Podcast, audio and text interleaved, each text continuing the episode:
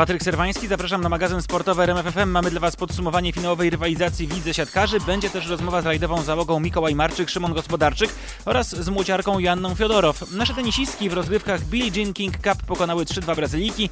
Dwudniową rywalizację podsumuje kapitan reprezentacji Dawid Celt. Siatkarze Jastrzębskiego Węgla po 17 latach zdobyli Mistrzostwo Polski. To jest drugi taki sukces w historii klubu i to nieco niespodziewany, bo w finale w dwóch meczach Jastrzębianie pokonali faworyzowaną grupę Azoty Zaksa Kędzierzyn-Koźle. My robiliśmy te kroczki przez cały sezon, bo, bo było mnóstwo, mnóstwo gorszych chwil, mnóstwo chwil takich zwątpienia, że, że ten nasz zespół nie wyglądał tak, jakbyśmy sobie tego życzyli, ale, ale my cały czas pracowaliśmy, cały czas wiedzieliśmy w jakim celu, w jakim kierunku zmierzamy i, i po prostu w tym finale to potwierdziliśmy. Pokazaliśmy, że Jastrzębski Węgiel jest wielką, wielką drużyną, że ma wielkich zawodników i, i, że w tych najtrudniejszych momentach sobie, sobie radzi, szczególnie na tle takiego, takiego przeciwnika, który zos- został ostatnio okrzyknięty no, jednym z najlepszych w Europie, jeżeli nie najlepszym. Te mecze bliźniacze, bo, bo, bo w, obu, w obu te pierwsze sety były w naszym wykonaniu po prostu bardzo słabe, bo myślę, że dzisiaj, jeżeli po prostu byśmy zagrali trochę lepszą siatkówkę, to byśmy wygrali ten pierwszy set, bo Zaksa nie grała niczego, niczego nadzwyczajnego, ale to nasze błędy, znowu jakaś taka presja z naszej strony, ale to nie ma teraz żadnego znaczenia. Jeżeli tak mielibyśmy grać cały sezon, to zawsze by, brałbym to w ciemno. Możemy zaczynać, nieważne jak się zaczyna, ważne jak się kończy i, i cieszę się, że, że tak spuentowaliśmy tą, ten sezon, bo, bo, bo ten sezon no, jest fantastyczny, nie ma, nie ma co ukrywać. Tak finał podsumował Jakub Popiwczak, libero Jastrzębskiego Węgla. W ekipie z Kędzierzyna Koźla oczywiście jest pewne rozczarowanie, ale nie można mówić o przygnębieniu. Ciężko tak na, na świeżo teraz powiedzieć, jak to wyglądało. Weszliśmy na pewno dobrze w to spotkanie, zwłaszcza w to drugie, ale u nas też w Kędzierzynie też zaczęliśmy dobrze, bo tego pierwszego seta wygraliśmy pewnie, później stanęliśmy. No i tutaj też wygraliśmy tego pierwszego seta, w drugim secie też w miarę kontrolowaliśmy to spotkanie, aczkolwiek no taka jest siatkówka, zdarza się chwila słabości, dekoncentracji, drużyna przeciwna nabiera wiatru w żagle, tak jak drużyna z Jastrzębskiego Węgla dzisiaj.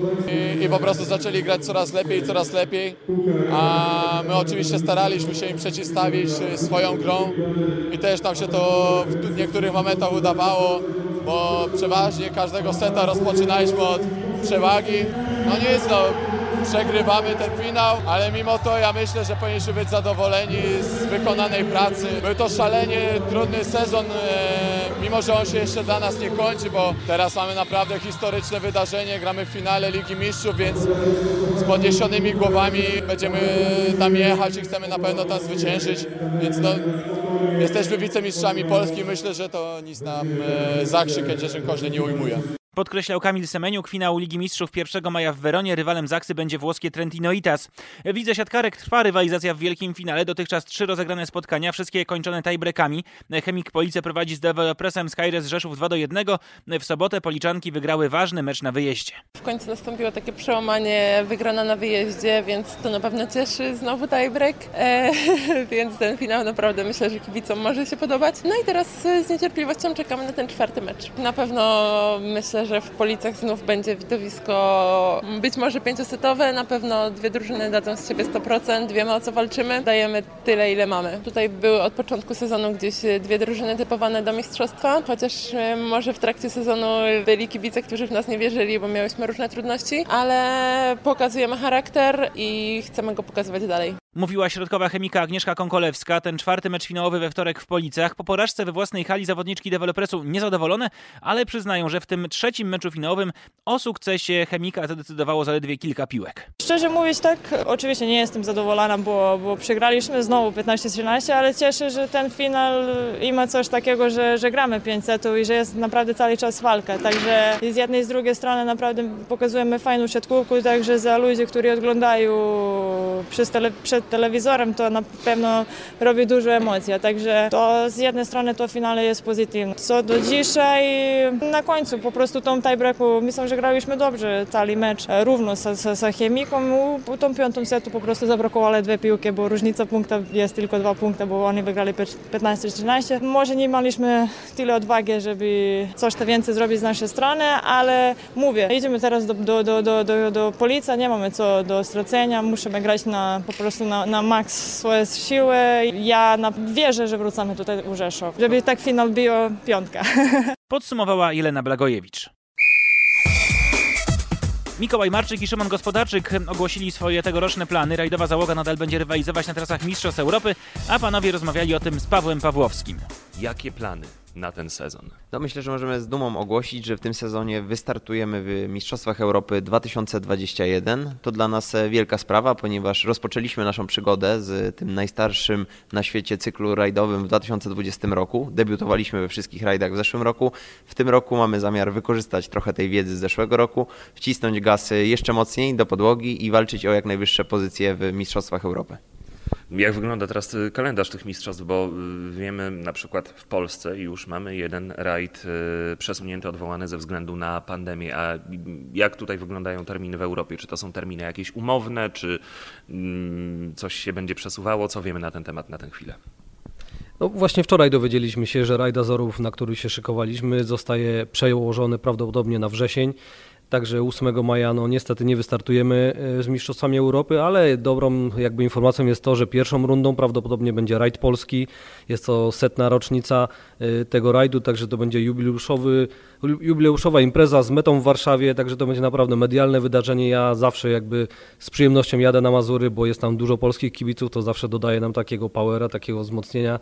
Także no, lubimy szutry, mamy dobre wspomnienia z takich rajdów, więc tak to wygląda. O szutrach i o rundach zaraz porozmawiamy, ale chciałem zapytać, jakie auto? Bo widziałem w mediach społecznościowych grafika auto przykryte jeszcze wielką płachtą. Co możemy powiedzieć o tegorocznym samochodzie?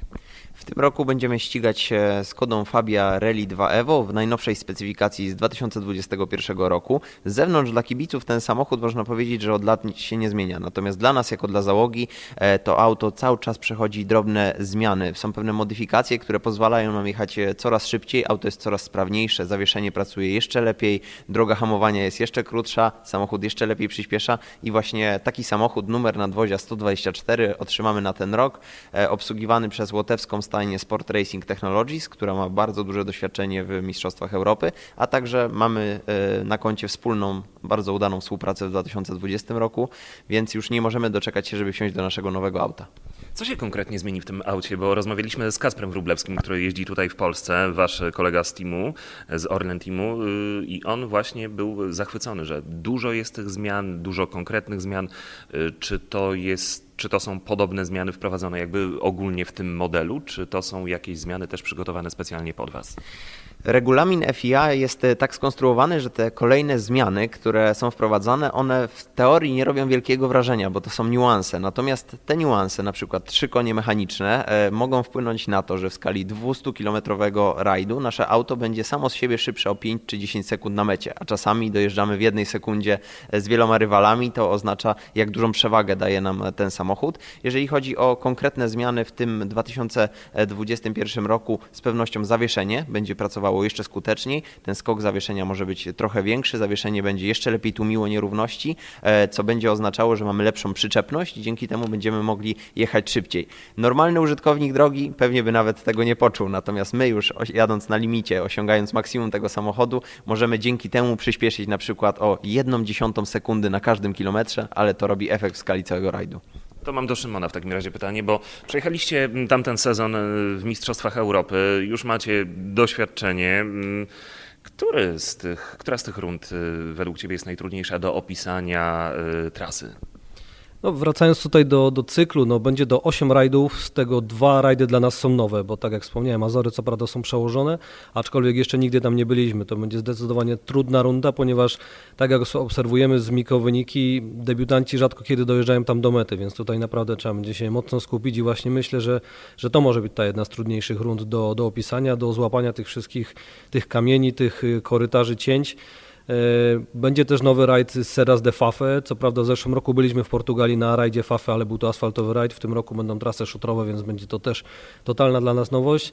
A sześć rajdów się pokrywa. Będziemy startowali w rajdzie Polski, w rajdzie Liepaja, w rajdzie Barum w Czechach, e, w rajdzie Roma di Capitale, e, czego nie wymieniam, Kanary, Węgry, to wszystko. To wszystko. Generalnie w zeszłym roku no, Węgry pokazały nam, że to jest taki dość trudny rajd, ponieważ jest tam dużo łączników szutrowych, jest to asfaltowy rajd, ale w tak brudnym regionie, że e, jest to jesień, drzewa są jakby już gołe, liście leżą na, tak naprawdę na asfalcie i nie widać tak naprawdę, gdzie jest krawędź tego asfaltu, gdzie są ukryte kamienie.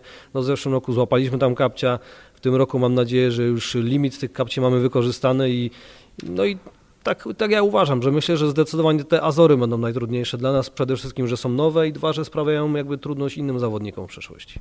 Miko, ja pamiętam jeszcze y, czasy rajdowych samochodowych Mistrzostw Polski. Mówiłeś, że szutry były dla ciebie zawsze trudne, potem pojechałeś na Litwę, wygrałeś tam y, rajd, ale czym te szutry y, z rajdowych samochodowych Mistrzostw Polski różnią się od tych szutrów w Europie? Bo zakładam, że różnią się bardzo i te europejskie są dużo, dużo trudniejsze.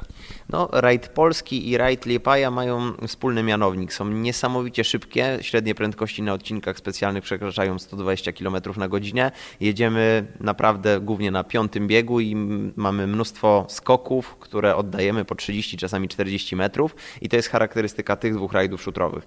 Pozostałe dwie szutrowe eliminacje, czyli rajd Azorów, ten znowu jest niesamowicie kręty. Shooter, po którym jedziemy ma inną strukturę, to jest wulkaniczna wyspa. Z jednej strony w wielu miejscach podobno, nigdy tam nie jechaliśmy, ale jest, jest niska przyczepność, ale ten shooter bardzo zużywa opony. E, średnie prędkości na odcinkach czasami wynoszą 60-70 km na godzinę, czyli jedziemy relatywnie wolno, ale jest to tak dlatego, że mamy tam mgłę, mamy bardzo trudne warunki, często duże opady e, deszczu. Niezwykle ważna jest precyzja, więc jedziemy powoli w takich ciasnych korytarzach, tak jak wspomniał Szymon. Dodatkowy rajd, e, w którym też będziemy debiutować w tym roku, szutrowy rajd Fafe. Myślę, że to będzie impreza trochę podobna do tej znanej z Mistrzostw Świata z rajdu Portugalii. Myślę, że to będzie taka trochę hybryda tych szybkich i wolniejszych tras. Słynna hopa właśnie w miejscowości Fafe. Naprawdę mam nadzieję, że będziemy mogli tam e, wyskoczyć, ponieważ to jest e, jedno z takich spełnień e, marzeń dla kierowcy rajdowego pojawić się tam kiedyś. Panowie, wasze nazwiska jakby kojarzą się kibicom nierozłącznie, natomiast każdy z was ma jakieś tam oddzielne swoje projekty, tak jak Szymon, byłeś na Dakarze, teraz widziałem, byłeś w Jordanii. Powiedzcie panowie, jak to będzie wyglądało w tym sezonie, gdzie was zobaczymy jakby w, nie w konfiguracji wspólnej, tylko oddzielnie? Myślę, że gdy już rozpoczniemy sezon Mistrzostw Europy, to dla nas priorytetem są nasze wspólne starty i prawdopodobnie wszystko idzie w tym kierunku, że jeżeli sezon komasuje się i będzie od czerwca do listopada, no to będziemy mieć e, bardzo mało tych e, tygodni na różne inne aktywności. E, w moim przypadku, jeżeli chodzi o starty sportowe, to nasz projekt jest jedyny, natomiast oczywiście w wolnym czasie staram się wspierać innych kierowców rajdowych, tak jak ja kiedyś otrzymałem szansę i dostawałem wiedzę od Kajetana Kajetanowicza, Wojtka Huchały, tak teraz na przykład współpracuję z Michałem Pryczkiem, dwukrotnym mistrzem Polski e, w klasie, natomiast przede wszystkim skupiam się na rajdach. E, Szymon za to nie wysiada z rajdówek i e, myślę, że powie coś więcej na temat planu. No właśnie. No ja oczywiście, tak jak Mikołaj powiedział, to są takie nasze projekty życia, te Mistrzostwa Europy, ale ten projekt, tak jak Miko wspomniał, kończy się w listopadzie i wtedy pełną parą wsiadam do nowego projektu, który jest jakby też dla mnie taką życiową, e, można powiedzieć, życiowym celem, czyli projekt Dakarowy. No, mamy w planie z Michałem Goczałem pojechać oczywiście kilka rajdów przygotowujących się do, do tego rajdu, czyli jakieś pewnie Abu Dhabi, Maroko, e, Baja Hail i później wystartujemy w Dakarze, tak żeby to też było profesjonalne. Ale oczywiście no teraz jestem głównym, głównym moim projektem jest y, Mistrzostwa Europy, bo, no bo to jest spełnienie marzeń, myślę, że każdego rajdowca. Panowie, mm, na koniec jeszcze, bo kibice mają z Wami kontakt poprzez media społecznościowe. Y, zobaczą Was, y, jeśli pandemia tutaj nie pokrzyżuje planów, oczywiście na rajdzie Polski, a czy gdzieś jeszcze w Polsce będzie można Was zobaczyć? Nie pytam o starty, ale na przykład, nie wiem, może pojawicie się w roli albo ekspertów, albo odwiedzicie sobie hobbystycznie jakiś rajd. Jak to będzie wyglądało? Jest taki plan? Jeżeli rundy Mistrzostw Polski e, będą, e, zaczną się, ponieważ rajd świdnicki został przełożony, a potem część rund jest wspólna z, tak jak na przykład rajd Polski, Mistrzostwa Europy są razem z Mistrzostwami Polski, to gdy już przyjdzie taka runda Mistrzostw Polski, na której będę mógł być e, w roli swobodnej, w roli kibica, jest nowy pomysł radia rajdowego, także jest to interesująca inicjatywa, w której zostałem poproszony, żeby być ekspertem podczas pierwszej z rund, więc właśnie będzie to tego typu aktywność. Oprócz tego pojawiamy się gdzie tylko możemy. Mamy nadzieję, że, że w lato będzie więcej możliwości do fizycznych spotkań z kibicami. Staramy się zawsze z Szymonem szerzyć dobre zasady bezpiecznej jazdy na drogach, spotykać się z dziećmi, pokazywać im naszą pasję, pasję motywować do tego, żeby się rozwijały, więc myślę, że jak tylko będą możliwości, to tych aktywności mamy dużo. Nasze tenisistki pokonały reprezentację Brazylii w rozgrywkach Billie Jean King Cup. Dwudniowa rywalizacja w Bytomiu, wynik 3-2, trudne, długie pojedynki singlowe, dwa zwycięstwa Magdaleny Fręch i porażki Urszuli Radwańskiej oraz Katarzyny Kawy. W decydującym meczu duet Fręch-Kawa dał nam ten zwycięski punkt w deblu. Cały dwudniowy pojedynek podsumował kapitan reprezentacji Dawid Celt. Dużo stresu, ale, ale przede wszystkim wielkie gratulacje dla dziewczyn, że to dźwignęły. To było bardzo trudne spotkanie. Poziomem wszystkie dziewczyny mocno zbliżone do siebie. Wiemy, że ten poziom się jeszcze w czasie tych rozgrywek Y, międzynarodowych, drużynowych, fed wyrównuje, więc to było widać na korcie. Bardzo ciasne mecze, bardzo wyczerpujące mecze. Trzeba było dużo, dużo zdrowia włożyć każdy pojedynczy punkt, więc, więc ogromne prawa dla dziewczyn. Y, każda tutaj dołożyła cegiełkę do tego sukcesu. Generalnie bardzo trudny mecz. Dla mnie muszę przyznać najtrudniejszy do prowadzenia w mojej jakby karierze kapitana. Mnóstwo trudnych decyzji, takich decyzji, no, no nie powiem, że ryzykownych, no ale przede wszystkim trudnych. No a taką trudną decyzją był wybór deblistek do ostatniego spotkania. Wybór padł na Magdalenę Fręch i Katarzynę Kawę, y, które tego samego dnia grały także w singlu. Brawa dla Magdy, brawa dla, dla Kasi. Wystawiłem taki duet dlatego, że, że to był najbardziej zgrany duet. One ze, sobą, y, one ze sobą już grały. Pod koniec ubiegłego roku kilka dobrych y, turniejów rozegrały z sukcesami w Stanach Zjednoczonych, ograły kilka fajnych par, więc uznałem, że, że trzeba postawić na, na ten duet i, no i na szczęście się nie zawiodłem. Mówił Dawid Celt. Dzięki wygranej Polki w przyszłym roku powalczą w kwalifikacjach do turnieju finałowego rozgrywek Billie Jean King Cup. Już niespełna 100 dni pozostało do Igrzysk Olimpijskich w Tokio. Jak do letniego sezonu przygotowuje się młociarka Joanna Fiodorow? Rozmawiał z nią Paweł Pawłowski. Co słychać w ekipie polskich młociarek, bo y, w mediach jakoś tak was za dużo na razie ostatnio nie ma. W mediach może i nas nie ma, bo, bo jakby nie patrząc sezonu zimowego nie mamy. Ciężko trenujemy. Y, ja zaczęłam już od, y, można powiedzieć, połowy października. Mamy już kwiecień i dalej trenuję, czyli to jest dobry znak. E, no na razie chyba jest wszystko dobrze. Z tego co się orientuję, wszystkie dziewczyny są zdrowe, wszystkie ciężko trenują, więc zapowiada się ciekawy sezon. Ty trenujesz w Spale. Jak patrzę za okno, pada deszcz, jest zimno. Dzisiaj jechałem tutaj do PKL-u samochodem 2,5 stopnia. Jak trenować w takich warunkach? Trenowałam w tym roku już i przy minus 10, więc nie było problemu, bo było tak, a nie inaczej, że w styczniu e, przeszłam koronawirusa, musiałam zostać w domu, a później musiałam wrócić do treningu, bo to jest normalne, mamy igrzyska, więc trenowałam w zimie i przy minusach. E, ale szczerze powiedziawszy, no chyba najgorszy w tym wszystkim jest ten deszcz, bo ta temperatura w spale, jeżeli chodzi o naszą rzutnię, nie jest aż tak odczuwalna, bo to jest rzutnia, można powiedzieć, w lesie, jest schowana, nie ma tego wiatru i naprawdę fajnie się tam trenuje. Więc muszę powiedzieć, że, że, że nie ma problemu. No, jest, są takie, a nie inne warunki. E, jak widać, pogoda szaleje. Mamy wiosnę, kwiecień, plecień, pre, przeplata nam trochę zimy, trochę lata. Więc y, ta, ta pogoda jest różna, ale tak jak patrzę gdzieś tam na tą perspektywę dalszej y, temperatury, to w maju też wcale nie ma być kolorowo, a muszę zacząć już startować na zawodach, więc no, są takie, a nie inne warunki podjęliśmy taką decyzję, że zostajemy w Polsce, bo gdzieś tam jesteśmy troszeczkę też zmęczeni tym, tymi wyjazdami, e, co, co chwilę e, testami na koronawirusa. Gdzieś tam ten stres cały czas się, się trzyma, więc podjęliśmy decyzję, że zostajemy w Polsce, bo w razie W jesteśmy, można powiedzieć, w domu. E, można powiedzieć 3-4 godziny jestem w domu i mogę podjąć kolejne kroki w przygotowaniach, więc zdecydowaliśmy, że zostajemy tutaj i, i, i chyba z jednej strony słabo, bo zimno, zimno, ale z drugiej strony e, komfort gdzieś tam psychiczny, że, że jesteśmy, można powiedzieć, w domu. Jak sama mówiłaś, przechodziłaś w styczniu koronawirusa, a biorąc pod uwagę cały mm, tamten rok, e, rozpoczynający się sezon teraz, e, co powiesz o swoim zdrowiu? Moje zdrowie jest teraz bardzo dobre.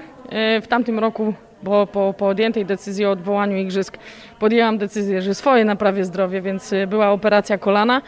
Całe szczęście odbyła się y, bez żadnego problemu. Przeszłam odpowiednią rehabilitację, wróciłam i powiem szczerze, wróciłam silniejsza, z lepszym nastawieniem. Wiadomo, jak to w sporcie. Czasami bywa tak, że mi się po prostu nie chce, bo, bo nakładają się te ciężary, te, ten, ten trening, ten reżim, który cały czas muszę prowadzić. Ale jest dobrze. Jestem, jest dobrze, jestem dobrej myśli i myślę, że, że, że wszystko się fajnie ułoży do igrzysk. To jeśli jesteś dobrej myśli, to powiedz, jak wygląda Twój kalendarz przed igrzyskami, jeśli chodzi o treningi, ewentualne starty. Ewentualne starty zaczynają się w maju. Yy, Jeszcze nie, nie wiem ostatecznie, czy odbędzie się memoriał e, Furmanka w Kielcach, ale jeżeli tak, no to tam najprawdopodobniej pierwszy start. Później e, jestem w stałym kontakcie z menadżerem. On tam musi dogadać pewne sprawy, zarówno finansowe, jak i przelotowe i przejazdowe, więc tutaj wszystko będzie na bieżąco. Kilka startów się zapowiada, ale tak jak wspomniałam, no może być różnie, bo pandemia w toku i mogą odwoływać nam te starty, więc nie nastawiamy się jakoś tam wybitnie na te starty. Kilka startów, no i tak jak mówiłam, bazą moją docelową będzie Centralny Ośrodek Przygotowań Olimpijskich w Spale. Stamtąd będę wyjeżdżała na zawody i tam będę kontynuowała przygotowania. E, Mistrzostwa Polski i Igrzyska Olimpijskie, takie dwa cele sobie w tym sezonie postawiłam. Jest nas cztery chętne do wyjazdu i prawdopodobnie Mistrzostwa Polski zadecydują, która z nas pojedzie na Igrzyska, także na tych dwóch imprezach muszę mieć formę. To jeszcze ostatnie pytanie, bo to jest dyżurne moje pytanie do młociarzy i myślę, że nie tylko moje. Co się dzieje z tym młotem na świecie? Bo y, mówi się no, na różnego rodzaju imprezach nie chcą was zapraszać, bo młot jest niebezpieczny, bo coś się może wydarzyć. O co tutaj chodzi? To jest jakiś zmierzch młociarstwa? Nie mam pojęcia, tym bardziej, że jeżeli chodzi o damski rzut młotem, to rozwija się w tempie naprawdę bardzo szybkim. Ostatnimi czasy jest wybuch e, tej, tej, tej młociarskiej, można powiedzieć, kobiecej e, rodziny. Coraz więcej e, zawodniczek rzuca coraz dalej, coraz ciężej się zdobywa medale, poza tym te wyniki naprawdę pokazują, że to idzie w dobrym kierunku. Natomiast no, nie wiemy, jakie są plany World Athletics i, i, i całej, całej otoczki wokół tego. No, rzeczywiście mamy tego coraz mniej, co prawda Jesteśmy teraz w tak zwanym Gold Tourze i, to już jest też prestiżowy meeting, no ale tak jak mówię, no brakuje nas na przykład w diamentowej lidze, ale no problem, problemem zazwyczaj jest prawdopodobnie nawierzchnia, na której odbywają się zawody, bo Zazwyczaj to są stadiony piłkarskie i, i, i lekkoatletyczno-piłkarskie i te nawodnienie, coś tam, no jednak ten młot zostawia potężną dziurę I, i, i chyba to jest głównym problemem, bo czy chodzi o niebezpieczeństwo, no może faktycznie byłam przy dwóch takich sytuacjach, że było niebezpiecznie, ale żeby aż tak? No Oszcze, oszczepem też można zrobić krzywdę. Nawet większą, ale no nie mi to osądzać, zobaczymy. Co prawda ja jestem już bliżej niż dalej końca mojej kariery, więc y, nie wiem jak to będzie wyglądało, ale chciałabym zostać w tym sporcie i chciałabym go na pewno dalej oglądać w telewizji, żeby nie było tak, że w pewnym momencie nie będzie mojej dyscypliny, którą uprawiałam tyle lat. To wszystko, co przygotowaliśmy w tym tygodniu. Do usłyszenia w kolejny poniedziałek.